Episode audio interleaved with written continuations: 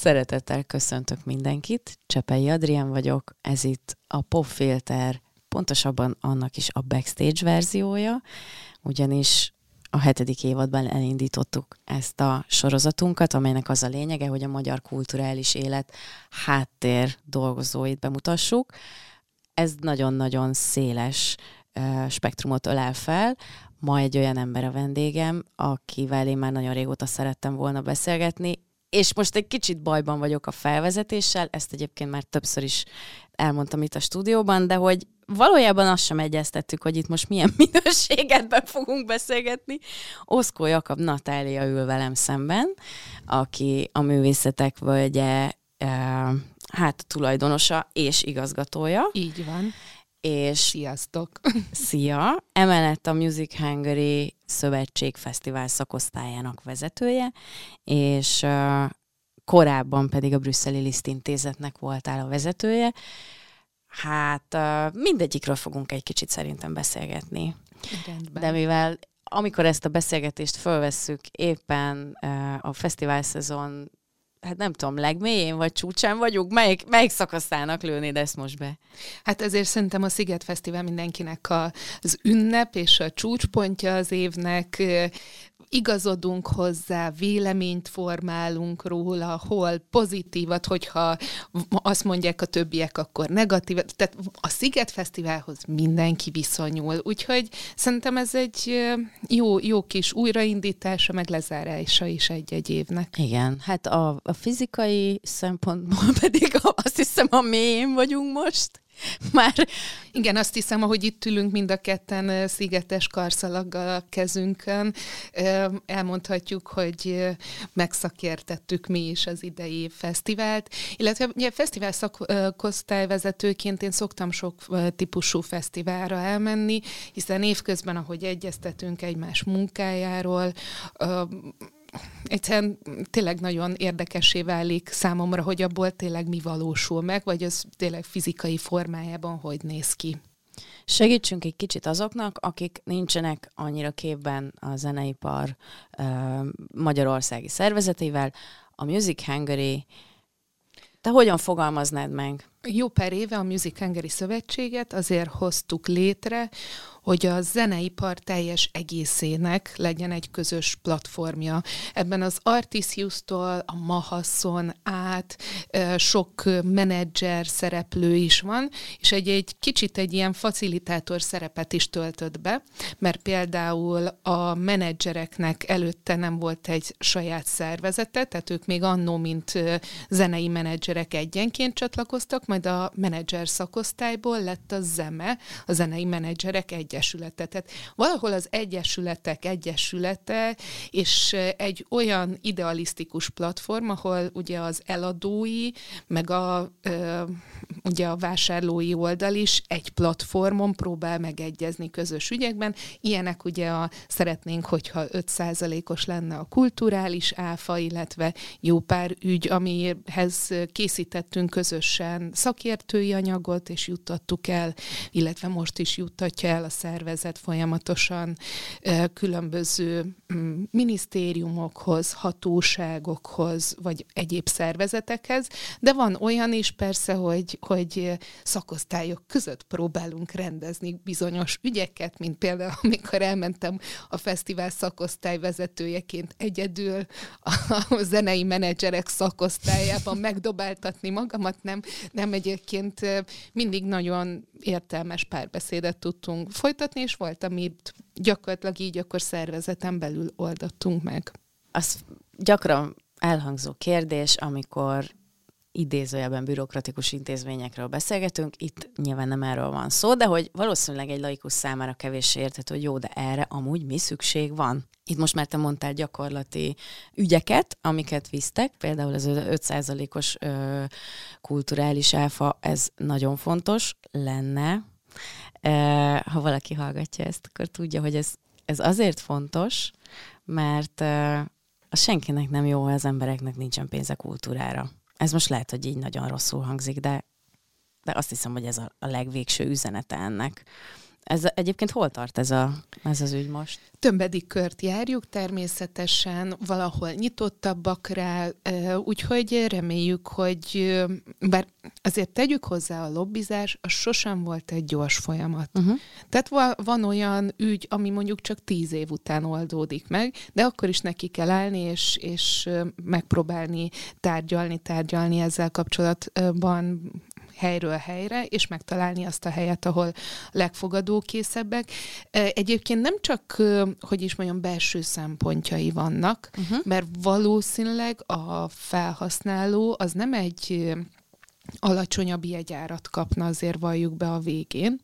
Valószínűleg akkor az árszínvonal az ugyanott tartana a jegyek szempontjából, viszont több maradna meg a szolgáltatónál. Uh-huh. Mostani egy-két év alatt ugye azért egy 40 kal felmentek az infrastruktúrális és egyéb technikai költségeink, úgyhogy ezt ki próbálta kezelni magánál, illetve nagyon fontos az is, hogy nemzetközi viszonylatban is le vagyunk ezzel az áfa mérték értékkel maradva, és amikor jön bármilyen nagy nemzetközi turné a környékre, és meglátják, hogy nálunk mennyi a jegy áfa tartalma, akkor attól elijednek, és ha megnézzük, nem mindenki látogat el a túr, európai turnéja során, pont emiatt Budapestre egyébként, mert azt látja, hogy ugyanazt a koncertjét, ugyanaz a költségszinttel, de sokkal magasabb jegyára fogja tudni csak kivitelezni. Uh-huh.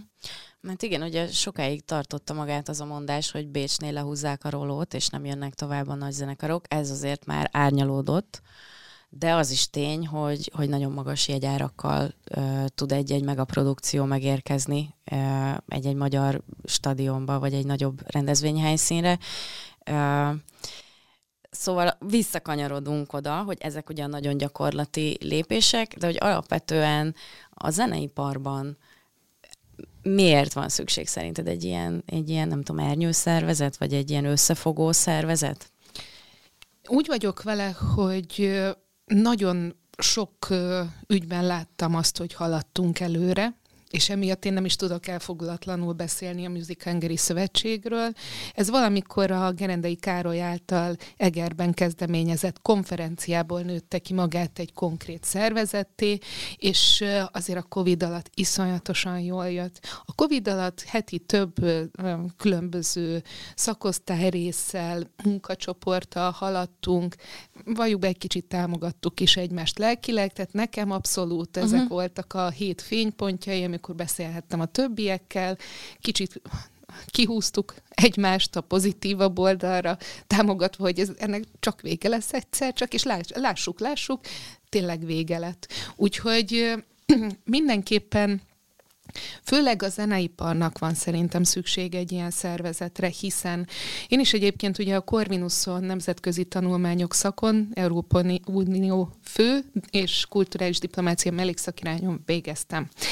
A legtöbb ismerősöm, amikor a műpa után, meg nemzetközi szervezet után elkezdtem dolgozni a művesztek völgyénél, meg átvettem igazgatóként, azt kérdezte, hogy jó, jó, van ez a tíz nap, jó buli, persze, de hogy, és egyébként mit csinálsz egész évben? Semmit. Valljuk be, a legtöbbször, amikor a gyerekünk leül egy családi ebédnél, és azt mondja, hogy ő a zeneiparban fog dolgozni. Nyilván zeneiparos szülőnél nem jön ki rosszul, de a több, legtöbb szülő és sokkos állapotba kerül, és azt mondja, hogy jó, akkor először egy szakmát szerez magadnak, vagy egy normális állást, és akkor ezt a bulikázást ezt csinál. Tehát gyakorlatilag az egész zeneiparra úgy néznek, mint valamilyen tücsök szakmára, ahol gyakorlatilag olyan szeretnénk nem csinálni semmit, és ezért tekerünk az éjszakában, és és ezt a képzetet szeretnénk azért egy picit helyre tenni, hiszen itt ugyanolyan gazdasági, jogi folyamatok vannak, Excel táblák, és rengeteg olyan aspektus, meg szaktudás, amit igenis értékelni kell, és nekünk is az a jó, hogyha azok, akik belelkesednek a szakmáink iránt, azok utána benne is maradjanak, és még a tapasztalattal együtt egyre nagyobb szaktudással rendelkezzenek. És ez egyébként igenis ott is, tar- ott, ott is kezdődik, hogy a szakma színvonalát és megítélését azt helyre kell kicsit tenni, így a nagy társadalmi megítélés szempontjából is, hogy hogyha az a gyerek leül oda az asztalhoz, és ezt mondja a családi ebédnél, igenis azt mondják a szülők, hogy jaj, de klassz, azt hittem ügyvéd leszel, de ez, is, ez így sokkal jobb, vagy legalábbis nem, nem ítéli el, és próbálja elterelni. Úgyhogy Ilyen szempontból fontos az, hogy egy ilyen szakmai szervezet megalakuljon, uh-huh. különböző anyagok szülessenek, például különböző piacelemzések, amik például azt is kimutatják, hogy mondjuk a GDP-re milyen direkt ráhatása van az iparágnak, és, és az egészet tényleg egy picit helyre tegye, és tényleg egy, mi is úgy érezhessük, hogy tényleg egy állásunk van, nem csak egy hobbink. Te egy korábbi beszélgetésünkkor úgy fogalmaztál, hogy a munkád bármennyire rock and rollnak is hangzik, de 90%-ban Excel táblázatok és adminisztráció és szervezés. Mikor kezditek el szervezni a jövő évi művészetek völgyét? Erre nagyon könnyű a válasz, mert már az adott művésztek völgye fesztivál alatt jönnek különböző partnerek, és mondják el, nyilván főleg a lelkesítő fesztivál körülmények között, hogy ők egyébként ezt meg azt ide és ide megálmodták, úgyhogy van, hogy már konkrét helyszínt is megnézünk, uh-huh. és megnézzük, hogy mi hova illeszkedhetne. Szeptember-októberben leülünk minden helyszínünkkel, a 40 közül, és átbeszéljük, hogy hogy sikerült az előző év, mit változtatnánk, mit csinálnánk másképp, és novemberre már gyakorlatilag a kívánságlista játékunkkal kijövünk, lehet szavazni, hogy ki, kit szeretne látni a színpadunkon, és elkezdőd, már megvannak a nagyobb nevek is, tehát ott Aha. már azért szerződések is megszülettek, különböző támogatókat próbálunk onnantól kezdve megnyerni az ügyünk mellé, és hát február-márciusban a száz oldalas műsorfüzetet szerkesztjük meg, és május elején egy sajtótájékoztatóval már útjára is bocsátjuk az országos terjesztésben. És addigra már kialakul 2200 produkció, pontos időpontja, tartalma, ugye összeáll a műsorfüzet, és ennek a szerződéses háttere, nem is beszélve arról, hogy az ezt ki, kiszolgáló infrastruktúra is meg kell, hogy legyen. Hát ez az, amit szerintem a legtöbben nem látnak, vagy nem látnak át ilyen mélységben, hogy mennyi háttérdolgozó, mennyi munkaórája van abban, hogy egyszer csak a, nem tudom, Margaret Island felmegy a színpadra, és ez az, ami miatt talán a legfontosabb, hogy beszélgessünk a zeneipar működéséről, arról, hogy mennyi embernek a, a melója van egy-egy produkcióban, és akkor talán egy kicsit változik a megítélés is, mert egyébként én újságíróként rendre azt tapasztalom, talán javult már a helyzet, egy, egy picit talán segített ezen a közösségi média, hogy egy picit néha betekintést engednek nekünk a, a háttérmunkálatokba, de egyébként azt tapasztalom, hogy tényleg azt gondolják, hogy hát ez így magától működik, hogy itt magától jönnek a fellépők, nem kell sehol parkolóhelyet szerezni nekik, senki nem foglalkozik, hogy magától lesz catering, és millió egy ilyen dolgot mondhatnék, tényleg nyilván a legsarkalatosabb pont az, hogy booking, tehát ki fogja őket lekötni, kiintézi a szerződéseket, és, és egyébként kíváncsi vagyok, hogy szerinted melyik a legkevésbé megbecsült része ennek a munkafolyamatnak, amíg a nulláról valaki eljut egy fesztivál nagy koncertig. Szerintem a legkevésbé megbecsült, nem a belső szakmai, hanem mondjuk most ugye a látogatói szempontot nézzük, a, az gyakorlatilag még a hangosítót látják, de már mondjuk a monitor keverőt nem, hiszen uh-huh. ő a vingen van, e, illetve a, akár azokat az alpinistákat, akik felrakták nekünk a LED falat, vagy megépítették a színpadot, díszletet. E, álmodhatok én már az Excel táblában bármit is, e, és átsoroghatok állhatok bájosan egy, egy fűcsomó mellett a réten, de hogyha ezt senki nem építi meg körülöttem, akkor nem lesz És itt jegyezném meg, hogy egyébként itt a COVID olyan szempontból is ráhatással volt a szakmánkra, hogy egy egész erős munkaerőhiányos helyzet uh-huh. is kialakult, hiszen akik színpadot tudtak építeni, meg hangfénydíszletet mozgatni és kezelni, nagyon sokan mentek át társszakmákba, akár a média területére, de leginkább például építőipar területére, és akinek mondjuk gyereke van és családos, nem feltétlenül jött vissza. Igen. Azt mondta, hogy ezt egyszer, egyszer megégettem magamat, és nem, nem fogom többször megégetni magamat. A, szervezőknél pedig sokan mentek át mondjuk valamilyen projektmenedzseri multis állásba. Ott azért általában van egy olyan plusz szeretet, hogy, hogy visszajöttünk sokan, vagy visszajöttek sokan.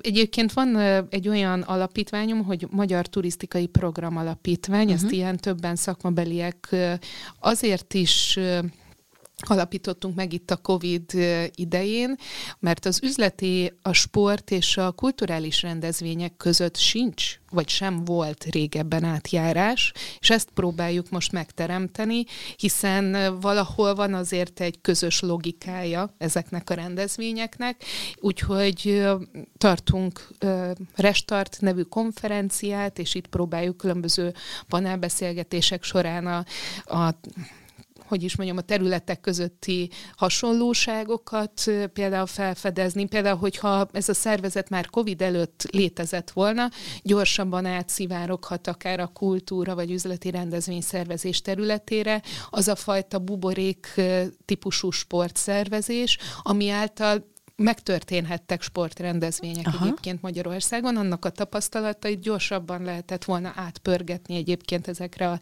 társterületekre, különböző szakmai anyagokba, ahol amellett érvelt hettünk volna, hogy, hogy rendezünk meg egy ugyanilyen buborékban tartott rendezvényt esetleg, de hát ugye ez csak így útközben született meg, illetve ez, ugyanez az alapítvány, ez ad ösztöndíjakat ahhoz, hogy te mondjuk akár hangosítónak, világosítónak tanulj, vagy akár zenei menedzsernek, vagy rendezvényszervezőnek, meg van egy digitális térképünk, ahol azt a 120 képzőhelyet megnézheted, hogyha beszélgetés után is érdekes számodra ez a szakma, hogy hol tanulhatsz tovább, és köthetsz ki itt a zeneiparban, vagy akár a rendezvényiparban.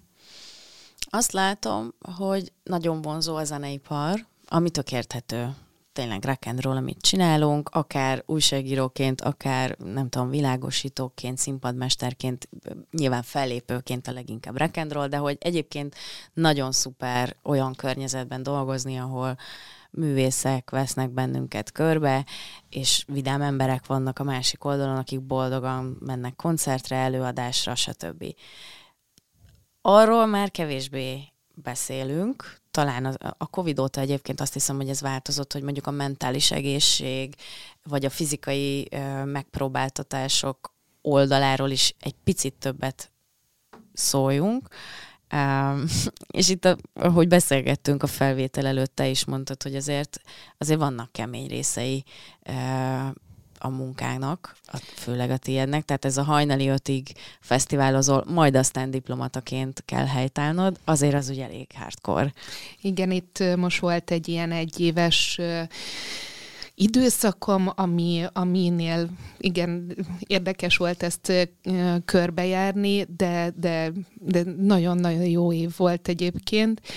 Viszont azért tegyük hozzá, hogy ez a hajnali négy-ötig fesztiválozik a rendezvényszervező, csak hogy egy kicsit perspektívába helyezzük, ez nem azt jelenti, hogy, hogy nem tudom, te ugyanúgy látogatóként Pulizol. pulizik, hanem általában, általában színpadtól színpadhoz megy, szakmabeliekkel egyeztet, valószínűleg nem is a közönséget, hogy is mondjam, meghazudtoló vidám állapotban teszi meg, teszi meg ezt, úgyhogy egyébként így lehet, de ha belegondol bárki is, hogyha neki az lenne a munkája, hogy neki végtelenítve kell mindig hajnali négy-ötig fennmaradnia, azért van, hogy ez átfordul az emberben. Nekem egyébként olyan szempontból szerencsés az a berendezkedés, hogy a vagy a Fesztivál, Kerekdom Fesztivál és egy-egy évközbeni rendezvényem van, hogy nekem akkor vannak ilyen tömbösített, éjszakázós időszakaim, de pont most ugye akár a brüsszeli lisztintézetnél megtapasztalhattam azt, hogy heti négy-öt rendezvénynél ö, volt esti programom, és ez már érdekes volt, hogy hogyan, ö, hogyan egyeztethető össze azzal, hogy van az embernek egy kislánya is. Hmm. Vagy akár itt egy tényleg egy színháznál, ha dolgoznék, vagy, vagy, vagy egyéb intézménynél. Itt azért az, hogy estéről estére helytáll az ember, ugye általában az iskolai és egyéb ö, gyermekfelügyeleti rendszerek abszolút nem ez szerint a logika szerint működnek. Például egyébként Ausztriában emiatt van, egy olyan szolgáltatás, hogy akik atipikus szakmában dolgoznak, és gyermekük van, tudnak igényelni babysitter segítséget. Ó. Ezt még, még a Covid előtt a Waves Vienna Showcase fesztiválunkon hallottam. Ugye ezek a showcase fesztiválok azok, amik megint csak a mi szakmai fesztiváljaink, és, és mindenki azt hiszi, hogy ez is csak egy végtelen bulizásról szól, pedig hát napközben abszolút a fenntarthatóságról, a nők szerepe a zeneiparban, vagy, vagy egyéb jegyárak alakulása, új típusú kikapcsolódási szokások, új generációk megjelenése témakörökben. Egész tényleg tanulmányokat, PhD kutatásokat érintő panelbeszélgetéseken vesz részt az ember, és estén időnként. Van egy olyan érdekes mechanizmus, hogy több helyszínen nagyon rövid szetteket játszanak a zenekarok, és az gyakorlatilag te előre feltérképezed, és így rohangálsz, és 10-10 perceket hallgatsz mindenből meg, gyakorlatilag ott tudsz vásárolni gyorsan, ott tudod megnézni, hogy egy zenekar hogy működik a közönséggel együtt, illetve egyáltalán az, amit esetleg valamilyen platformon, online platformon meghallgattál, az egyébként élőben hogy néz ki. És hogyha valaki ügyes, és jó füle van, meg jó emberei vannak, akik a többi helyszínen is odafigyelnek, akkor azért lehet nagyon nagyokat nyerni egy ilyen, tehát egyrészt nyilván kulturálisan is, másrészt akár anyagilag is nagyon ö, látványos tud lenni az, hogy valakit korán lekötsz egy Így van. jövő évi rendezvényre, időközben ő kilő, mint egy üstökös, és aztán ö, már mindenki őt szeretné. Így van, meg hát annak azért van mindig is egy presztízse egymással szemben is ott a szakmában, hogyha valakinél tényleg még korai befutás előtti szakaszában, vagy a befutás közben jelenik meg egy produkció, azzal azért megveregetjük egymás vállát ilyenkor. Elhangzott itt egy nagyon fontos kifejezés, ez az atipikus Hát még a munkahely is furcsán hangzik egyébként. Inkább mert azt mondom, igen, munka, igen. de nem munkahely, mert nincs konkrét, vagy hát van, csak sok helyed van. De most próbáltam felidézni, hogy hol találkoztunk mi az elmúlt néhány hónapban. Ugye találkoztunk a Music Hungary konferencián, találkoztunk Brüsszben, amikor a fesztivál zenekart kísértem a turnéján, és te voltál az, aki azt a fogadást segített megszervezni, mhm. ami az egyik koncertjük után zajlott. Aztán találkoztunk a Sziget Fesztiválon, Szóval, hát ez valóban atipikus. Te össze tudod foglalni, hogy egyébként mivel foglalkozol? Mondjuk, hogyha a gyerekedet megkérdezik, akkor mit mond, hogy anya mivel foglalkozik? Hát ő szerintem egyre jobban látja, hogy mivel foglalkozom, mint fesztivál szervező. Ez egy sokrétű munka, tényleg a elmélyült szerződés bogarászástól kezdve abszolút a különböző rendezvényeken való megjelenés mellett. Egyébként nyilván ellensúlyozza is az ember hogy azzal, hogy egy, tud egy ilyen normál nappali életet is folyamatosan űzni, és úgy tudja bírni ezeket az éjszakázásokat akár, meg van, hogy például a gyermekprogramokat fedezem föl vele együtt, úgyhogy, úgyhogy ő abszolút látja, hogy mi, mikből áll a munkám.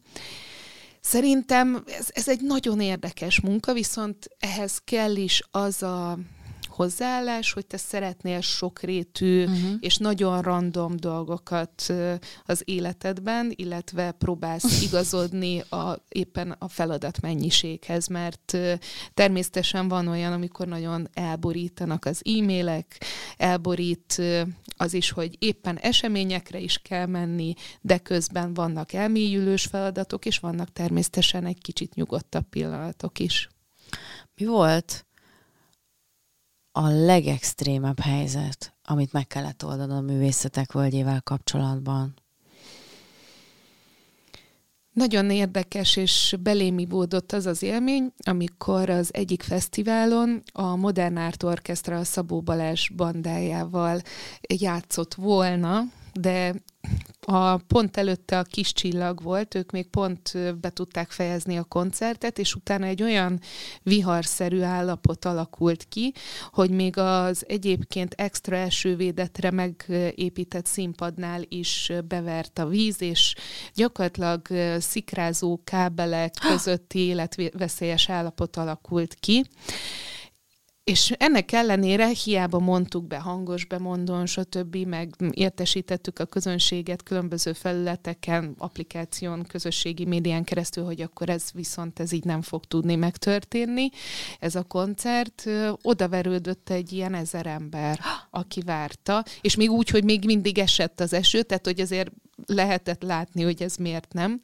És Balázs fogta magát, és gyakorlatilag felrohant a színpadra, pedig próbálta mindenki visszahúzni, és a bájolót eljátszotta gyakorlatilag egyedül, és lecsendesítette az embereket. Tehát ott, ott mindenkinek kicsordult a könnye. Hmm. Ez, ez egy ilyen érzelmileg nagyon extrém állapot volt.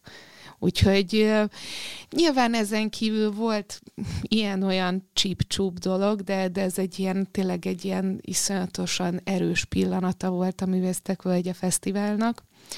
Ezen kívül nyilván van, hogy extrém dolgokat kérnek, amit nem nagyon tudsz a környékben beszerezni, és akkor rohangálsz az egész országban, de ezekre fel lehet készülni egyébként. Hát igen, mert ugye azt gondolnánk, hogy ott a csodálatos műsorfüzet, akkor az úgy meg is fog történni minden, ami abban benne van. De hát ebbe jöhet durdefekt, jöhet időjárás, jöhet napszúrás, betegség, tehát bármi, és általában el is fordul minden, tehát ha valahol, akkor egy fesztiválon minden. Igen, és hiába van, mert gyakorlatilag a Modern Orchestra és Szabó Balázsék erre külön próbáltak, volt egy próba folyamat, tehát nagyon, még csak nem is egy olyan koncert volt, amit rutinból és több uh-huh. állomással egymás után lenyomnak, úgymond, és, és ezért is érezte úgy az ember, hogy túl sok minden veszett kárba egy eső, vagy, vagy, egy, vagy egy vihar miatt, uh-huh. de, de szerintem fantasztikusan oldott oldta meg, bár közben rettegtünk, hogy reméljük, reméltük, hogy nem lesz baja. Igen, mert egyébként ezt ugye nehéz szintén elmagyarázni, de hogy itt konkrét életveszély van egy ilyen hát helyzetben. Hát ugyanúgy áram és különböző berendezések, amik hogyha eláznak, akkor nem tudnak jól funkcionálni, úgyhogy ez volt például egy ilyen, ilyen pillanat. Vagy például az idei Művésztek Völgye Fesztiválon, mint egy ilyen műhelytitkot a Reszérkel Társulatnak a Szóló Szamorját adtuk elő, vagy adták elő kétszer a Szirdütókert nagy színpadán. Az ugye az a helyszín egy cirkuszi sátorral indított, de annyira kinőtte magát, és estéről estére egyszerűen kifolytak belőle az emberek, amellett, hogy egyszerűen az általában ott uralkodó 40 fokos melegben, egyébként elárulom, napközben nem is volt használható, mert egyszerűen nem tudtál bemenni a uh-huh. meleg miatt oda. ezért megléptük azt, hogy szabadtérivé tettük ezt a színpadot, és ott volt ugye a Zorán Dés koncert mellett, ugye a Duda Évad Társulat, vagy a Feledi Projekt, és hát a Reszirkel Szóló Szamorja, ahol olyan mm, lepel díszletek vannak, amelyek, mint kiderült, a színházi súlyok mellett gyakorlatilag egy kis szellőre is felreppennek, és emiatt az első nap csúsztattuk is egy órával az előadást, mert remény, nem is volt szél, szélvihar, tehát ezért a közönség számára sem volt teljesen érthető, hogy mi történik, és miért tol- toltuk hátrébb az előadást, és hogy egyáltalán meg tudjuk-e tartani. És elárulom, az öt technikusunk ráfeküdt a díszletre, és másfél órán keresztül feküdt rajta. Úristen! hogy megtörténhessen az előadás, és úgy a helyén tudták tartani a díszletet. Ezt szerettem a művésztek völgye csapatban, hogy tehát végtelenül csap, közös, nagy közösség és szívvel rendelkező csapat vagyunk. Ott vagyunk egymásnak, nagyon sokan vesznek ki szabadságot, hogy a csapat részei lehessenek erre hm. a tíz napra, és, és folyamatosan csak egymásra koncentrálva próbáljuk a közönségnek is a legjobbat adni. A művészetek vagy ez sok szempontból hát nem is tudom, hogy a formabontó a legmegfelelőbb kifejezése, de hogy egy hosszú fesztivál, sok helyszínes fesztivál, nagyon sokféle művészeti ágat, tevékenységet, stb. fed le, tehát kicsit mindig az jut eszembe róla, hogy a szervezés tekintetében amúgy is nagyon extrém a fesztivál szervezés, de hogy kicsit olyan, mintha itt egyszerre nem tudom hány almával próbálnál meg zsonglőrködni, mert hogy sok helyen sokféle mindent kell csinálni. Pont emiatt kell egész évben előkészíteni. Tehát, hogyha, hogyha minden szépen előre letisztázol, leszerződsz, lebeszélsz mindenkivel, utána, mert ugye én gyakorlatilag a, a programigazgatómmal, a Nagy Adrival együtt így párhuzamosan járjuk a köröket, és mindenkit meglátogatunk a fesztivál alatt, gyakorlatilag mi már csak egy ilyen ellenőrző szerepet látunk el, viszont ehhez kellenek ezek az előzetes egyeztetések. Vannak, vannak hetek, amikor így mondjuk egy hétig csak három helyszínre koncentrálunk, koncentrálunk, aztán a következő héten egy másik három helyszínre. Mindennek nagyon meg kell adni az időt, nagyon mhm. kitalálni előre, és akkor, akkor tud működni.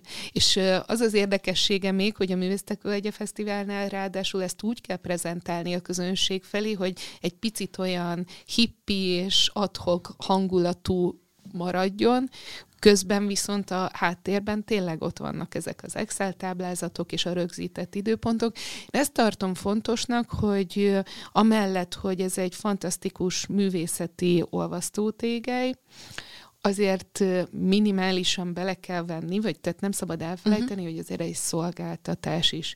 Tehát például olyan alapvető minimumokat, hogy amit meghirdetsz programot, próbálsz mindenképpen megtartani, és mindenképpen akkor, amikor meghirdetted. Mi az, amitől a művészetek vagy mint brand ilyen hosszú ideje működik? Képes megújulni, és sosincs két ugyanolyan művészetek völgye fesztivál. 89-ben, amikor az Istvánék, Márta Istvánék elkezdték, akkor ugye volt egy kocsma színháza, a Galkó Balázsnak, a Mondár Roberték a templomban játszottak egyet, meg Alkárnyóné volt a Csóron pusztán a nagy színházi előadás, és abból nőtte ki magát sok falvas, hat falvas, sok helyszínes fesztivállá. Minden évben tudsz új műfajokat bevonni, és új szereplőket. Van egy sűrűsége, intenzitása, és mind a két stratégiával látogatói szempontból egy klassz élmény tud lenni, akkor is, hogyha a száz oldás műsorfüzetben pontosan összeállítod az útvonaladat, de akkor is, hogyha csak random sodródsz helyszínről helyszínre. Természetesen ehhez kell egy nagyfokú nyitottság uh-huh. is. Nagyon szeretem emiatt a közönségünket is, és szerintem a közönség adja meg, meg azt a pluszt még, ami miatt a többiek is eljönnek, hiszen itt sokkal gyorsabban alakulnak ki beszélgetések, sőt vannak olyanok, hogy völgybarátok, akik évről évre itt a völgyben találkoznak csak, és beszélik meg az egy év aktualitásait, úgyhogy ez egy olyan közösség, ami nem csak egy alkotótábor a művészeknek, hiszen egyébként nagyon sok alkotás született itt, illetve van, hogy a művészek itt is maradnak velünk a fellépésük után jó pár napon keresztül látogatóként, és gyakorlatilag aki fellépett a színpadon, lehet, hogy ott sörözöl vele egy-két óra múlva a pultnál, elmosódnak a határok, és egy ilyen kicsit olyan ideális világot sikerül építenünk évről évre. Azt hiszem ez adja a népszerűségét. Mm, nyilván vannak erre vonatkozó felméréseitek, ti is folyamatosan ott vagytok közöttük, látjátok őket, de meg tudod-e fogalmazni azt, hogy milyen az átlagos művészetek völgye fesztiválozó? Szerintem azon kívül, hogy a nyitottság és a kapcsolódásra vágyás szerintem egy fontos uh-huh. közös pontja, nagyon sokszínű. Nagyon sokszínű a társaság, hiszen sokszínű a program is, és egyébként ahhoz, hogy ezt a sokszínű programot elérjük, egyébként az is kell, hogy nagyon sokszínű a szervező csapat is. És egyre több és több egyre fiatalabbat is beveszünk, és egyre újabb arcokat is, meg újabb műfajokat próbáljuk figyelni az új felbukkanó alkotó csapatokat is, tehát zseniális az például, amit a Vecsei Hámikiék a Pocket udvarban művelnek, most, most már így hosszú ideje, de ott van mellettük Hobó, aki gyakorlatilag 90 óta tartja a Hobó klubjait, és beszélget naponta a hobológia keretein belül, vagy tart koncertet. Emiatt nagyon sokszínű a közönség, és például Dés Lászlóra, meg Zorára, és a tinik is ugyanúgy odajöttek és, és mulattak, amire azért például nem feltétlenül ezt a korosztályt tippeltem volna be. Ez, igen, a nyitottság az valószínűleg a, a legfontosabb kulcs szó, és azt tapasztalom, hogy ez nagyon sokszor pont ez adja azt, ami miatt különleges tud lenni egy fesztivál helyszínen egy adott koncert, tehát mondjuk egy klubkoncertre nem biztos, hogy bemegy ennyire széles életkorú, vagy, vagy nem tudom már, tehát ennyire sok felől érkező közönség. Itt viszont olyan produkciókat is megnézel, akár direkt, akár sokszor csak azért, mert sodróc, amiket nem biztos, hogy a való világban, vagy ezen a buborékon kívül megnéznél. Te fel tudod idézni, hogy neked mi volt életed első fesztivál élménye? Hú, hát mert keverednek azért itt a dolgok, meg ugye azért a gólyatáborok is a Corvinuson már egy mini fesztiválnak értek be, úgyhogy gyakorlatilag itt a tini egyetemista koromnál elég sok felé elvetünk, tehát már akkor is egy ilyen nyitottabb típusú most már tudom, hogy egyszerűen többféle zenei műfajt kedvelő ember vagyok, ott még azért nagyon próbáltam magamat egy skatujába betenni. Na melyikbe? Sok... melyikbe? Nem, nem, mert sok, sok minden érdekelt, és ezért sok felé elmentem, mondom, hát ha akkor most már tudom, hogy mi az irányom. Én, nekem ez az összművészet jött be. Egyszerűen most már ezt látom. Én szeretek többféle impulzust megkapni, többféle, többféle zenei stílusban, otthon lenni, vagy, vagy látni, és az adott hangulatomnak megfelelően elsodródni egy-egy programra, vagy leülni. Egyébként van, hogy társas játékozok is itt a mm-hmm. fesztivál alatt. Mindig kuncogok, amikor amikor azt mondják, akár veled kapcsolatban, akár úgy általánosságban a, a, a mondjuk a fesztivál szervezőkkel, hogy ja, hát persze, hát ez bárki meg tudná csinálni, meg hogy ez nem is igazi munka, meg akkor ti oda bulizni jártok, meg nem tudom. Nem akartam ezzel nyitni, mert, mert az, az nagyon kontraproduktív is tud lenni. De tehát mondjuk rólad tudom azt, hogy nem tudom, hat nyelvből van nyelvvizsgád. köztársasági ösztöndíjas voltál, sorolhatnám azt, hogy, hogy milyen tanulmányi és szakmai és egyéb eredményeid vannak. Ehhez képest azt hiszem, hogy nehéz lehet azt megélni, hogy még mindig nem feltétlenül veszik komolyan azt, amiben te mozogsz, amit te csinálsz, és most nem a te munkádra, hanem az, amire te is utaltál, hogy a zeneipar, hát ott ilyen, ilyen bohém emberek így, így maguk... Összeverődtek. Igen, hogy csinálják maguknak a fesztivált.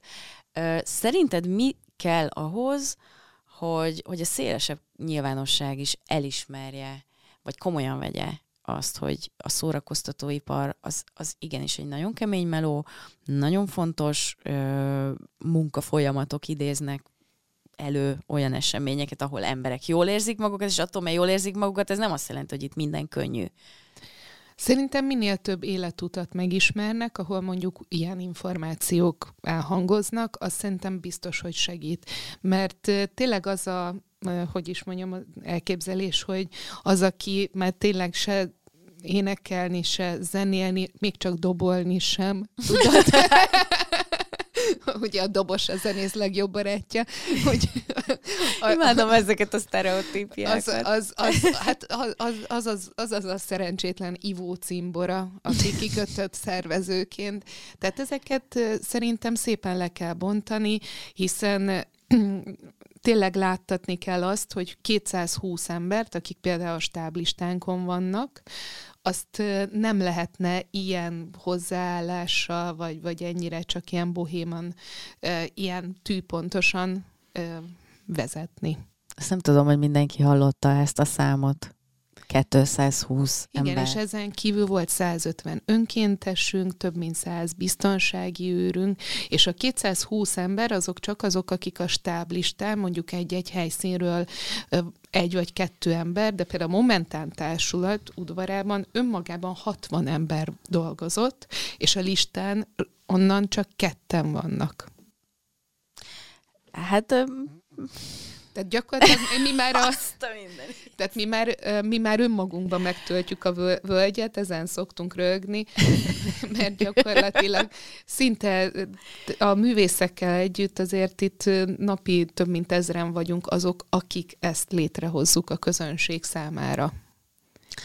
Szerintem ez most lehet, hogy nagyon szentimentális, amit mondok, de én azt gondolom, hogy ez, ez, ez csodálatos, hogy ennyi ember dolgozik, akár hát tényleg csak annyit tesz meg, hogy visz egy kávét valamelyik művésznek, lehet, hogy pont azzal ment meg egy előadást, vagy mulaszt el egy fejfájást azzal, hogy oda egy fájdalomcsillapítót visz, vagy bármi. Tehát szerintem ez csodálatos, hogy ennyi ember munkájából valami, valami sokkal nagyobb jön létre. Illetve a maga a csoda, az tényleg ez a csapat és közösség, az a nyitottság, az a szeretet, amivel az egész csapat viszonyul egymáshoz.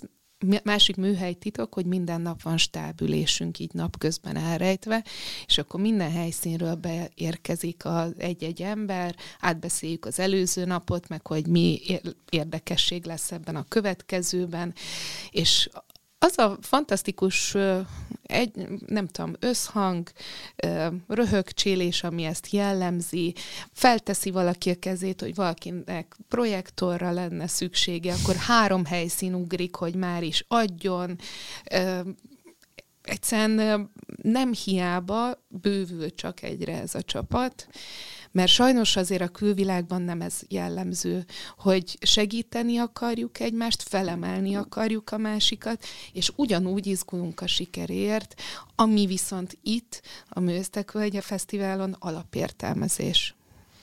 Ez szerintem egy nagyon fontos kérdés, hogy akkor hogyan lehetne ezt a szélesebb társadalomra rávetíteni, hogyan lehetne oda átvinni. Tehát szerinted hol a határ, és miért van határ? Tehát miért nem működik ez akkor a hétköznapokban is? Ez egy érdekes kérdés, mert ezzel már én is elkezdtem gondolkodni, hogy hogyha itt ennyire nagy kontrasztok vannak, hogy nagyon sokan azért vesznek ki szabadságot az egyébként megbecsült, megtisztelt munkaköreikből, hogy velünk dolgozhassanak, és ezt a flow élményt megtapasztalhassák, akkor azért valamit kéne változtatni, hiszen azért mi csak tíz napig tudjuk adni, és Szerintem nyilván nagyon sok helyen, például a multiknál, meg olyan helyeken, ahol most már abszolút elkezdtek a munkavállalók szempontjaival foglalkozni, meg egyre több menedzser végez olyan menedzsment kurzusokat, ahol a flow élménytől kezdve meg erről az egész mentálhigiénés, illetve jóléti aspektusról többet beszélnek, ez igenis már bizonyos helyeken beszivárgott, és hát ennek idő kell, hogy át tudjan menni máshova is. Nem is beszélve arról egyébként, hogy, és itt megint csak a zeneiparra visszakanyarodva, hogy szerintem igenis elkezdi az ért értékét talán egyre jobban majd megtalálni, hogy azt mondják, hogy a Z-generáció, meg pláne az alfa, most már nem feltétlenül lesz ugyanazon motivációk mentén inspirálható egy munkahely számára. Tehát nem a pénzpozíció, hanem, hanem az a felettes cél, az a közös akarat, az a, az a valamilyen idea, amit valljuk be egy, egy valamilyen FMCG termék készítésekor azért nagyon meg kell találni, itt pedig nagyon direktben ott tud lenni. Hm hogy, hogyha egy olyan helyen dolgozol, ahol mondjuk megtörténhet a Grillus Dánielék a kalák a szervezésében egy ökumenikus istentisztelet, ahol tényleg minden felekezet összeborul, és egy jó hangulatú, abszolút ilyen vallásokat átívelő közös lelki öröm történhet meg, és ez csak a, például akár ez a vallási aspektusa. De ugyanez a különböző műfajoknál, ahol, ahol a, valljuk be a világzene, népzene között van egy törésvonal, és mégis egyébként tud itt működni együtt, vagy egyéb műfajoknál vannak olyan összefonódások, melyek egyébként nem születhettek volna meg máshol. Most tudod, mi jutott eszembe? Nagyon profán lesz, de szerintem tökéletesen illeszkedik ide.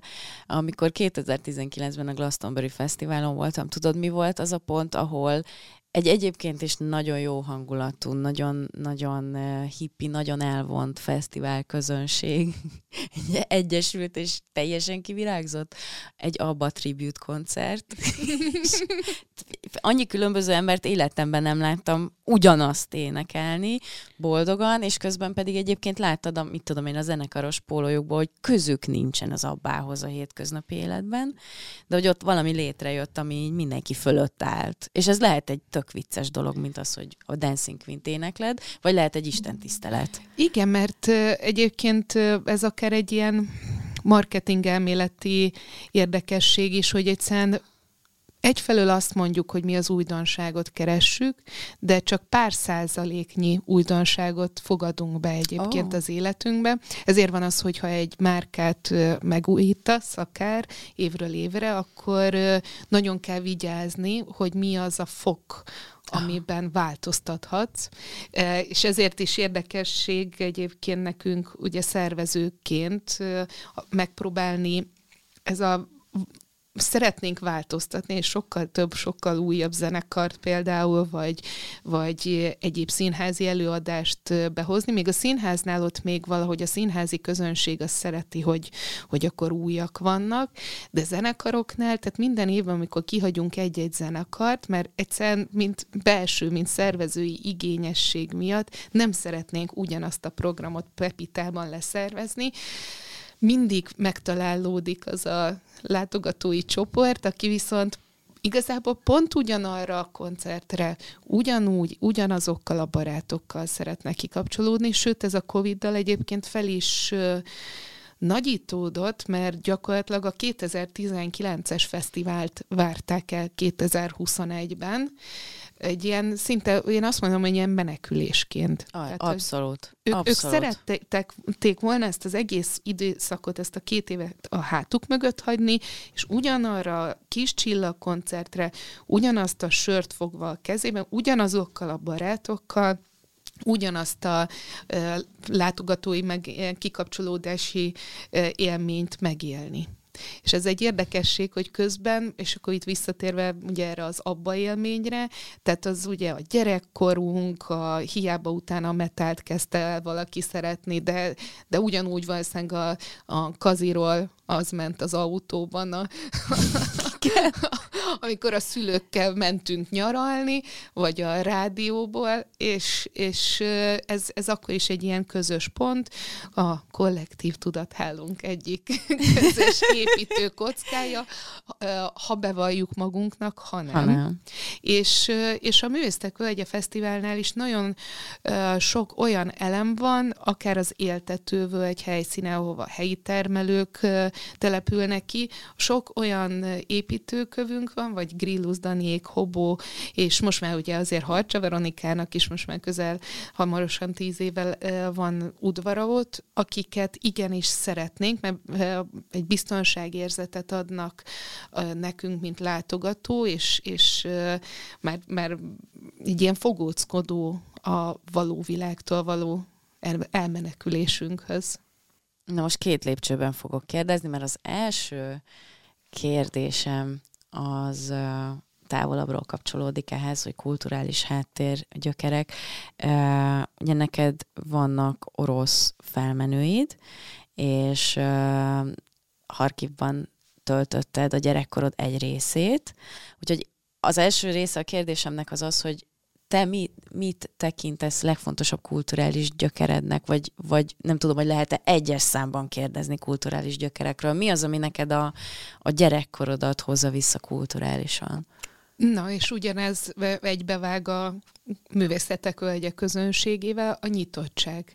Ha belegondolunk, ez a két nép annyira nem kedvesen viszonyult a történelem során egymáshoz, sőt, ugye azóta most ugye az orosz-ukrán viszonylatban Igen. is ugye ez történik. Én azt a közös nevezőt próbáltam mindig megtalálni, illetve gyakorlatilag pici koromtól diplomatáskodni amellett, ahol megpróbáltam láttatni a másik nép kultúrájában, a másik számára a szépet. Hm. És azt, ami összeköt minket, és nem hogy szétválaszt, vagy mi az az érdekesség, az a kicsit másképp csinálás, ami miatt érdekes lehet számodra a másik nép kultúrája. Ezt kicsi koromtól kezdve a népmesék összehasonlítása, a rajzfilmek összehasonlításán át nagyon sok ilyen gyakorlatilag egy sokszínű élménycsomag ért engem, hiszen fél éveket itt, fél éveket ott, majd például az első három osztályt kint Harkovban éltem meg, és ö, nyilván folyamatosan visszajártam. Gyakorlatilag nagyon hamar tapasztaltam meg, és valószínűleg ez adott egy plusz empatikus ö, készséget számomra, hogy az emberek van, hogy egy, küls, egy, egy külső problémára ö, próbálják kenni az esetleg belső szomorúságukat. És, és ez az, amit sok beszélgetéssel azért ki lehet simítani, viszont ezen dolgozni kell.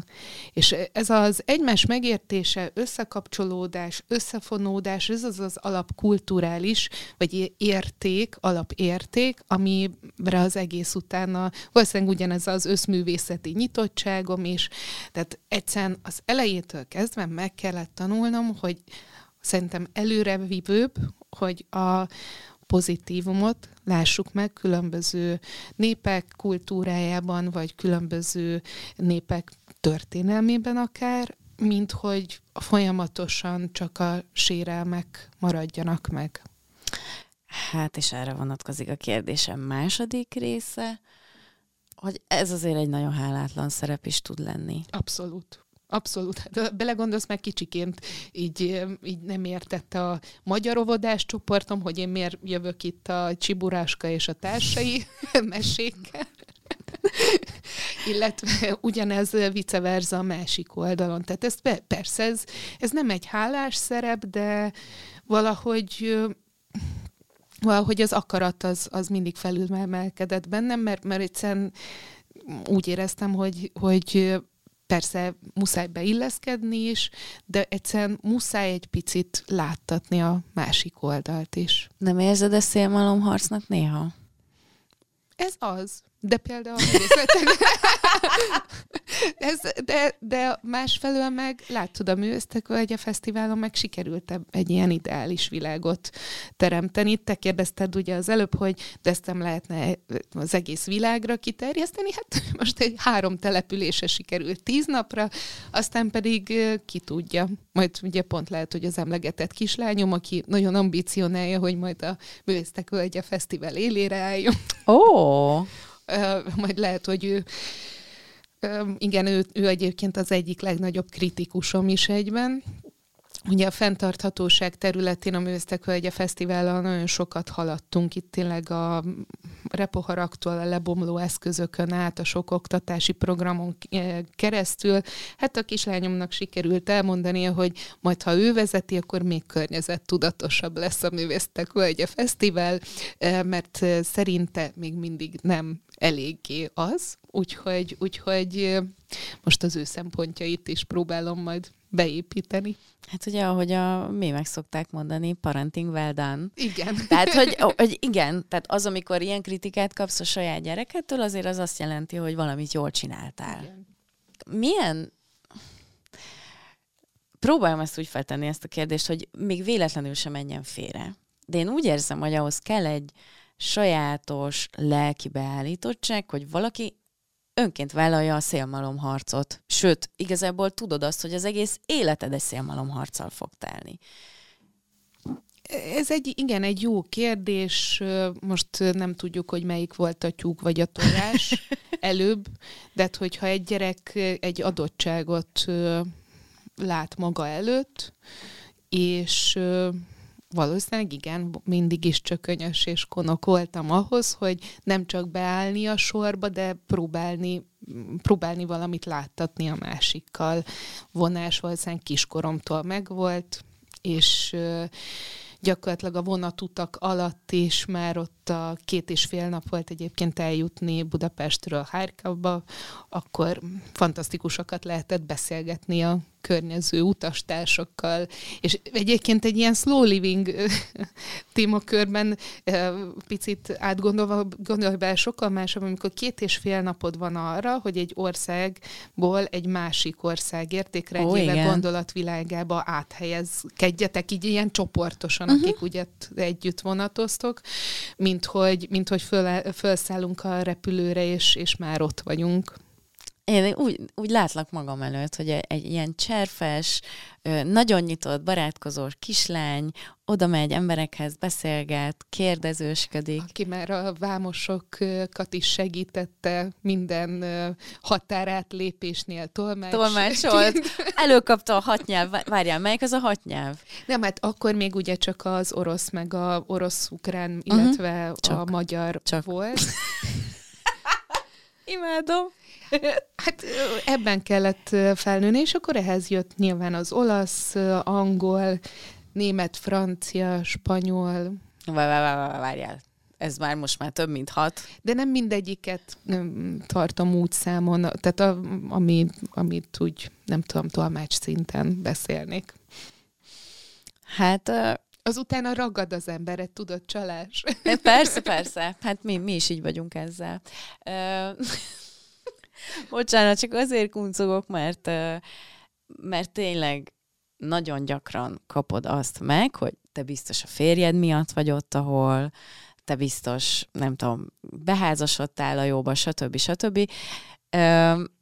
milyen érzés ezzel szembesülni? Nyilván idegesítő, de hogy, hogy Elengedted már ezt? Nézd, amikor mi összejöttünk, ő már ö, nem volt ö, ugye pénzügyminiszter.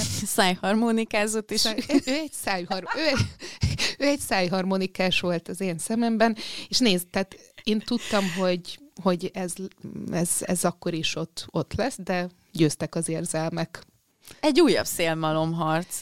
A legalábbis a sztereotípiák szempontjából. Sztereotípiák szempontjából abszolút, tehát nyilván most már a, a környezetem is mindig felsziszen, hogyha megjelenik bármilyen cikk rólam, akkor mindig oda van írva, hogy kinek a felesége vagyok, és, és a többi, mint referencia, tehát hogy én nem létezhetek itt a sajtóban önálló jogon, de valamit valami, tehát hogy ezt lehetett tudni, hogy valószínűleg ez, ez elkísértett, hogy ezt valahol elfogadtam az elején, attól még nem értek vele egyet, de most már nem, de nem idegesítem föl magamat különösebben, csak egy ilyen újabb csalódás, amikor magát, nem tudom, bármilyen nagyon liberális és szabadelvű, egyébként akár mondjuk feminista témában is író újságíró, és ugyanezt leírja. Akkor szoktam azt érezni, hogy akkor meg hol van a konzekvens uh-huh. gondol- gondolkodás valakiben. Mert egyébként van az is, hogy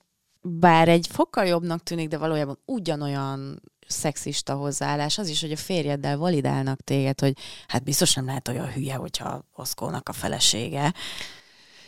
Hát, igen, vannak közös témáink, hál' Istennek. Így alakult ez a kapcsolat is.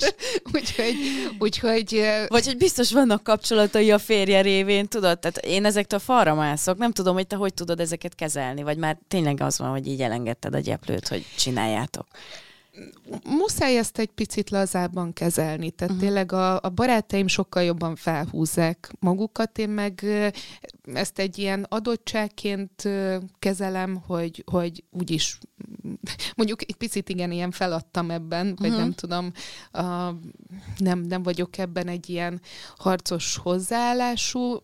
Ki tudja, hát lehet, hogy majd tíz év, lehet, hogy én is majd tudok olyat alkotni, hogy majd, majd ő lesz a plusz egy. Egyébként nagyon sokszor van az, hogy ugye, hogyha én megyek valamilyen startupos körökbe, startupos rendezvényre vele, akkor én vagyok a plusz egy, de hidd el, nagyon sokszor van az, hogy ilyen zeneipari, például elvittem a Tallinn Music Week-re, tehát ott is, ő, ő, ő ott plusz egyként mozgott, meg ugye a művésztek egy a fesztiválon is plusz egyként, úgyhogy azért az egyébként nagyon meglepően valóban nagyon nagy ö, szerepe van abban, amit tudok csinálni, és ahol vagyok, de alapvetően azért, mert egy nagyon jó hátteret tud biztosítani, mert addig, amíg én éjszakázom, addig ő ott van a kislányomkkal, tehát, és, és ugyanúgy támogató, de ez ugye az emberi oldala, ezt lehet tovább magyarázni, de szerintem felesleges. Tehát valóban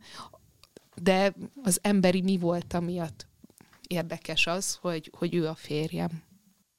Az a hálátlanság, ami benne van a te um, szakmai, a te munkakörödben, Igazából lehet, hogy ezt bele is kellene írni a kisbetűs részbe, hogy figyelj, na, nagyon ritkán fogod teljesen elégedetnek érezni magad, mert valaki úgyis belét fog kötni. Meg hát gondolj bele a, a az egész munkánkban találkozik a vállalkozói lét magányossága, a főnök magányossága ennyi ember mellett, és gyakorlatilag általában a kritikát kapod meg, de a pozitív visszajelzések nem jutnak el hozzá. Azért általában ez, ez egy ilyen szakmában hatványozottan találkozik, hiszen itt egyébként a kritika is akár egy ilyen nagyon éles dolog lehet, mert valami, nem tudom, nem úgy történt, és akkor erről sokan cikkeznek is akár, de, de van, hogy pozitív résznél meg általában nem említődik meg a neved, vagy bárkinek a neve. Ezért is egyébként még megint csak műhelytitok, a Művésztek Völgye Fesztivált egy, mindig egy olyan lezárás követi, ahol a stábnál különböző ajándékokat osztunk ki a csapattagoknak. Oh. Próbáljuk rávenni az embereket, hogy egyre viccesebbnél viccesebb díjakat találjanak ki a különböző stábtagoknak, és most, hogy tíz éve vagyok az igazgatója a fesztiválnak, most én is egy nagyon-nagyon kedves videót kaptam a többiektől, ahol mindenki összefoglalta velem kapcsolatban vicces és kevésbé vicc, nagyon, nem, nagyon vicces gondolatait. Hát mindegy, én nagyon meghatódtam, és ez, ez is egy érdekesség, hogy, hogy amellett, hogy van egy operatív része a fesztiválunknak, ezzel bele tudtuk csempészni a pozitív feedback kultúrát, valljuk be. Tehát Ez elég ilyen, fontos. hogy ilyen menedzsment szempontból is, hogy az, aki része a rendszerünknek, igenis érezze megbecsülve magát, mert nagyon nagy teljesítményt tesz le az asztalra. Általában nagyon nehéz elmagyarázni egy íróasztal mellett valakinek, hogy milyen lesz fizikailag is végigélni uh-huh. 12 év fesztivál szervezés, mert ugye mindenki, főleg, hogyha valaki már nagyobb rendezvényt, akár a kampusztól kezdve, vagy, vagy bármi szigetfesztivált, vagy bármit szervezett, akkor úgy gondolja, hogy már látott falompókot, aztán jön hozzánk, és megérzi azt, hogy a 12 nap az azért 12 nap, ugye hozzászámolok plusz egy-egy napot az elején és a végén. Ami a legkevésbé érthető talán a, a laikusok számára, és ide magamat is sorolom, mert számomra egészen biztosan az a legkevésbé érthető, hogy hogy diplomataként hogyan lehet jól működni, anélkül, hogy nagyon megborulnál néha? Hát, ahogy beszéltük is, én nekem diplomatának kellett lennem kicsi koromtól. Tehát, Tehát ez, neked az, ez a természetes Ez a természet, igen.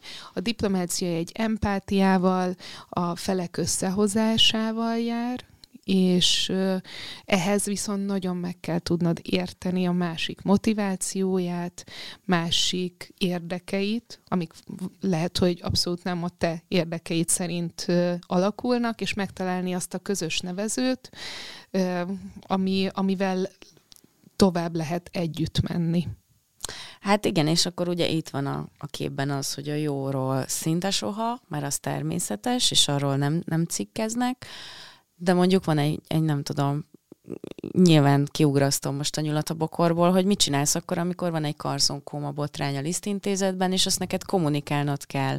Tehát a, van egy olyan helyzet, amit a jelenlegi magyar, nem tudom, lelki állapotban nagyon nehéz kommunikálni, vagy nagyon nehéz megoldani. Hát ugye abban a, a szerepben én nem kommunikálhatok, hiszen ugye egy minisztérium kommunikál, és akkor ők, ők ö, hozták meg a kommunikációs ö, megoldásokat erre a helyzetre. És az egyéb döntéseket is?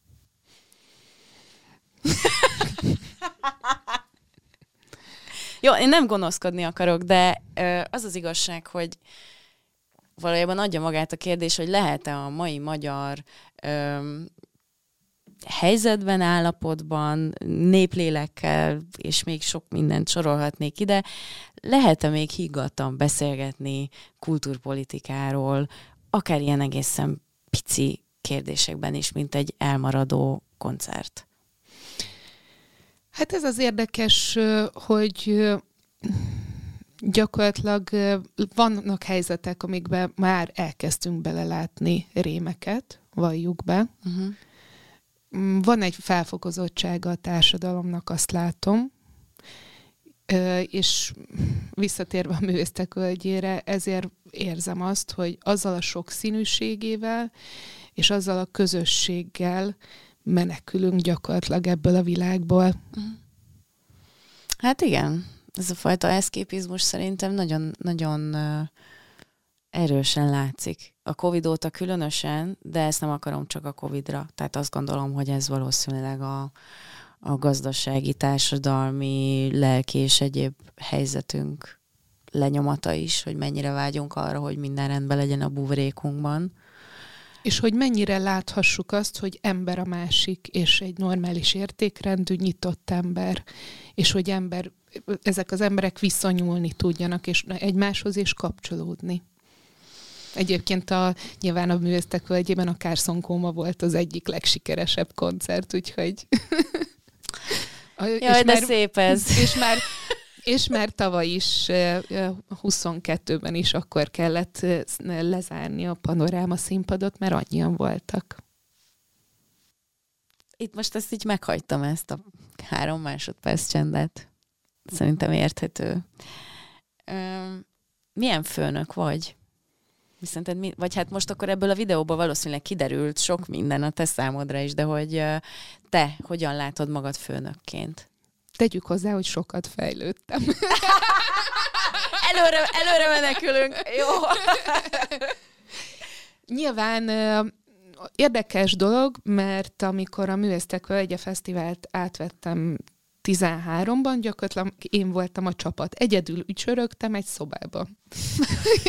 és viszonylag kevés helyszín volt, és ebből növekedtünk évről évre, növekedett a csapat, növekedett a felelősség, egyre több embert kellett összefogni, többféle személyiséget kellett összefogni, úgyhogy nekem is fel kellett nőni ehhez a feladathoz. Én megpróbálok empatikus lenni a másikkal, viszont az biztos, hogy pont ezenben a kapcsolódó és szeretet alapú társaságban, viszont az, hogy te tudjál és akarjál tenni az ügyért, az egy alapvető minimum. Akik nem annyira odaadóak, vagy igazából csak így nem tudom, eljöttek szafarizni hozzánk, azok gyorsan kihullanak a csapatból, és nyilván ezeket a döntéseket viszont akkor nekem kell megtenni és nyilván sokan hallottak tőlem már nem leges választ, valószínűleg azokban nem is feltétlenül pozitív a rólam élő kép. Uh-huh. Tehát tudok döntéseket hozni, ez viszont nyilván adja azt is, hogy nem mindenkinek tetszik az a döntés, viszont szerintem próbálok szeretet alapon megértően és empatikusan viszonyulni a másikhoz, amit viszont nagyon értékelnek, és amit ugye emlegettem, ezért is van, hogy egyre többen és többen csatlakoznak hozzánk. A másik az, hogy elérhető főnök vagyok, tehát velem lehet utána hajnalban a kenderkertben megbeszélni, hogy nem jó a stábkaja.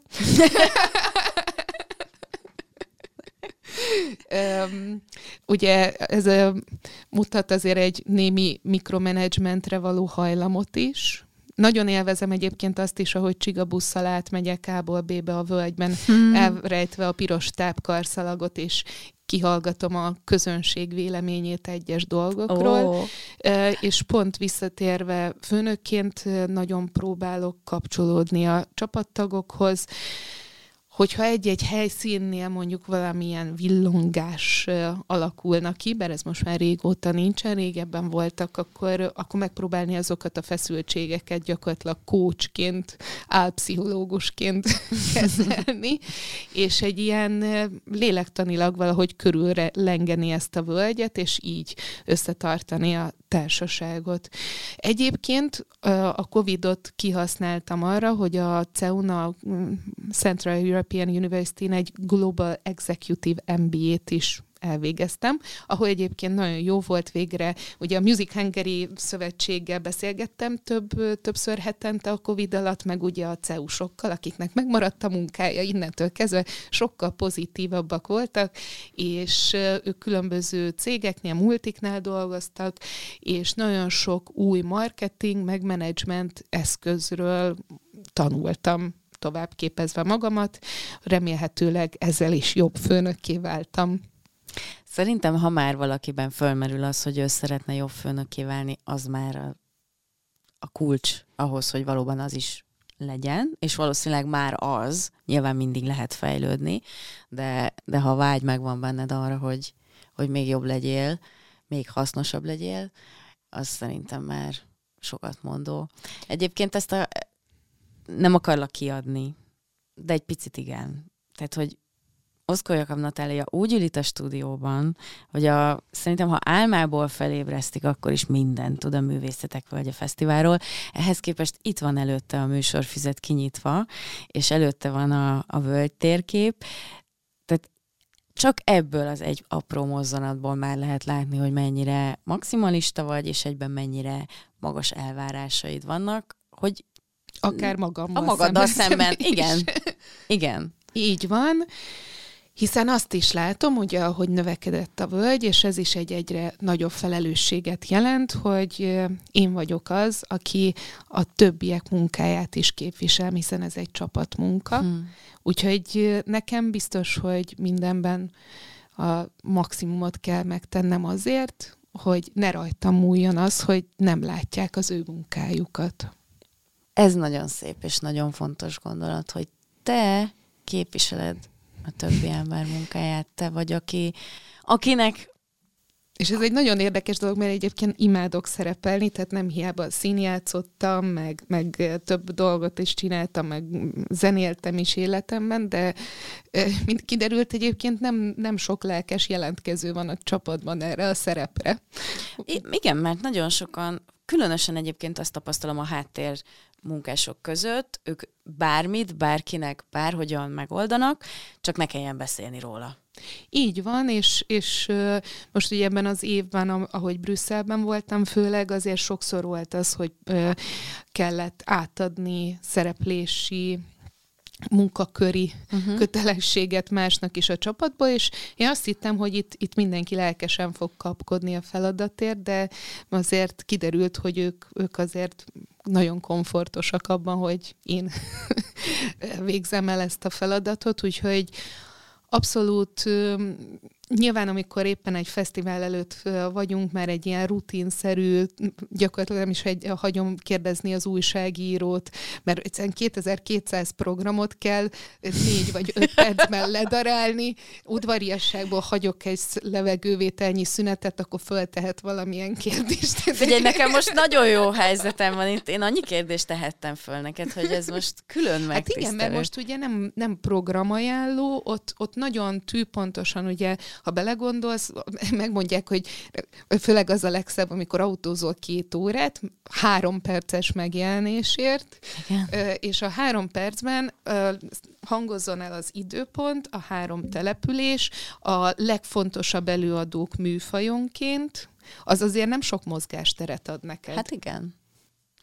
Egyébként vagy lehet, hogy ezt az elején kellett volna ilyen flexelésből elmondanom, hogy milyen vendégem van ma. A Forbes Magyarország kulturális területen legbefolyásosabb női közé választott téged. Nem, hogy választott, hanem hogy te vagy a harmadik ezen a listán. Igen, ez egy meglepő fordulat volt. Miért érzed ezt meglepőnek?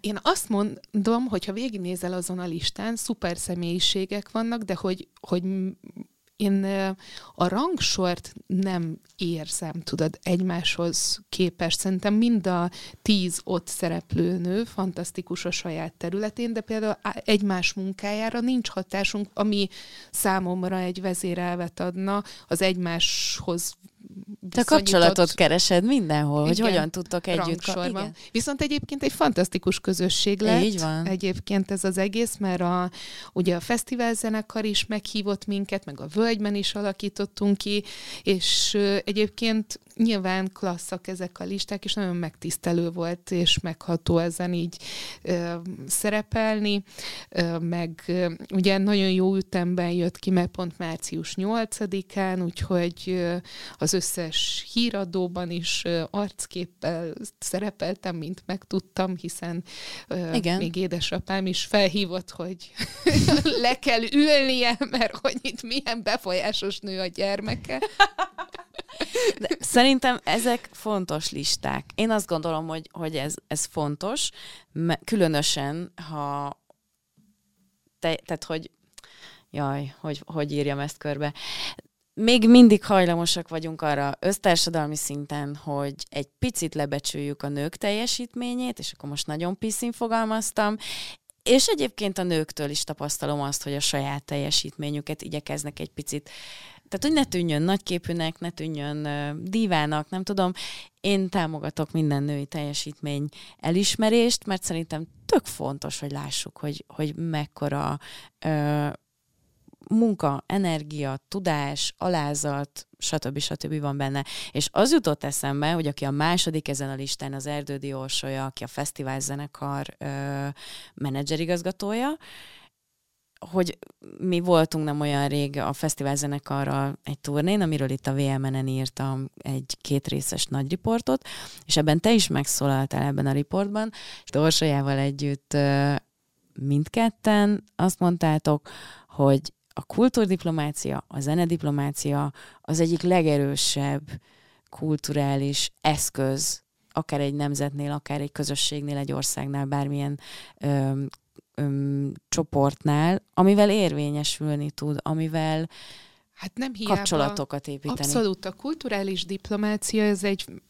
ö, gyakorlatilag ennek van egy olyan, ö, hogy is mondjam, szakirodalmi háttere is, a soft power, ki a Hanesni tollából, akár vagy tényleg nagyon sok tanulmányt is lehet erről ö, olvasni, és azért ne, ne felejtjük azt, amikor itt Trianon után ugye újra felvettük a diplomáciai kapcsolatot, már nem osztrák-magyar monarchiaként különböző országokkal. Klebersberg Kuno már akkor 1922 és 24-ben megalakította az első négy, ö, most már Liszt intézet, de egyébként Collegium Hungaricumnak nevezte, ugye ez a Párizs, Róma, Róma és Bécs-Berlin, ezért lesz most Bécs-Berlinnek egyébként a száz éves uh-huh. évfordulója közösen, és ugye utána lett egy 26 intézetes hálózattá növelve ezt. Azért ez mutat valamit, hogy már akkor egyből fontosnak tartották, hogy ne csak nagykövetségeket nyissanak, hanem igenis szükség van kulturális intézetekre, vagy a kulturális diplomácia különböző képviseleteire is itt Európában. Végig mentünk ezen a spektrumon. Most így az, azon gondolkozom, hogy azt hiszem, hogy mindenbe engedtünk egy pici betekintést a hallgatóknak, és, és közben kirajzolódott egy kép, hogy a mozgatórugója minden karrierszegmensednek, minden tevékenységednek ugyanaz, a hídépítés, a kapcsolatépítés, az, hogy, az, hogy egy picit jobb legyen minden körülöttünk. Nem is tudom, tehát azért nem egy ilyen pátoszi gondolat van mögötte, hogy én gyakorlatilag ülök és folyamatosan a világ békére gondolok.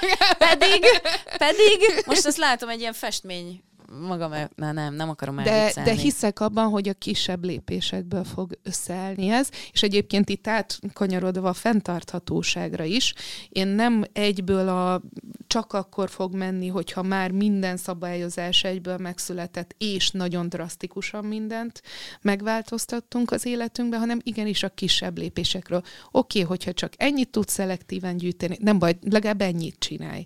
És egyszer, ezért is ijesztő nagyon sokaknak ez a fenntarthatósági uh-huh. téma, mert vagy az lengedezik előttük, hogy kokuszolajjal főzve, szövet zacskókkal rohangálva mosi pel- pelusoznak, uh-huh. vagy, vagy akkor bele se kezdjük. Igen. Nem, bármit csinálsz, tök oké. Okay. És akkor abból a sok kicsi bármi csinálásból szépen lassan el tudunk jutni valahova.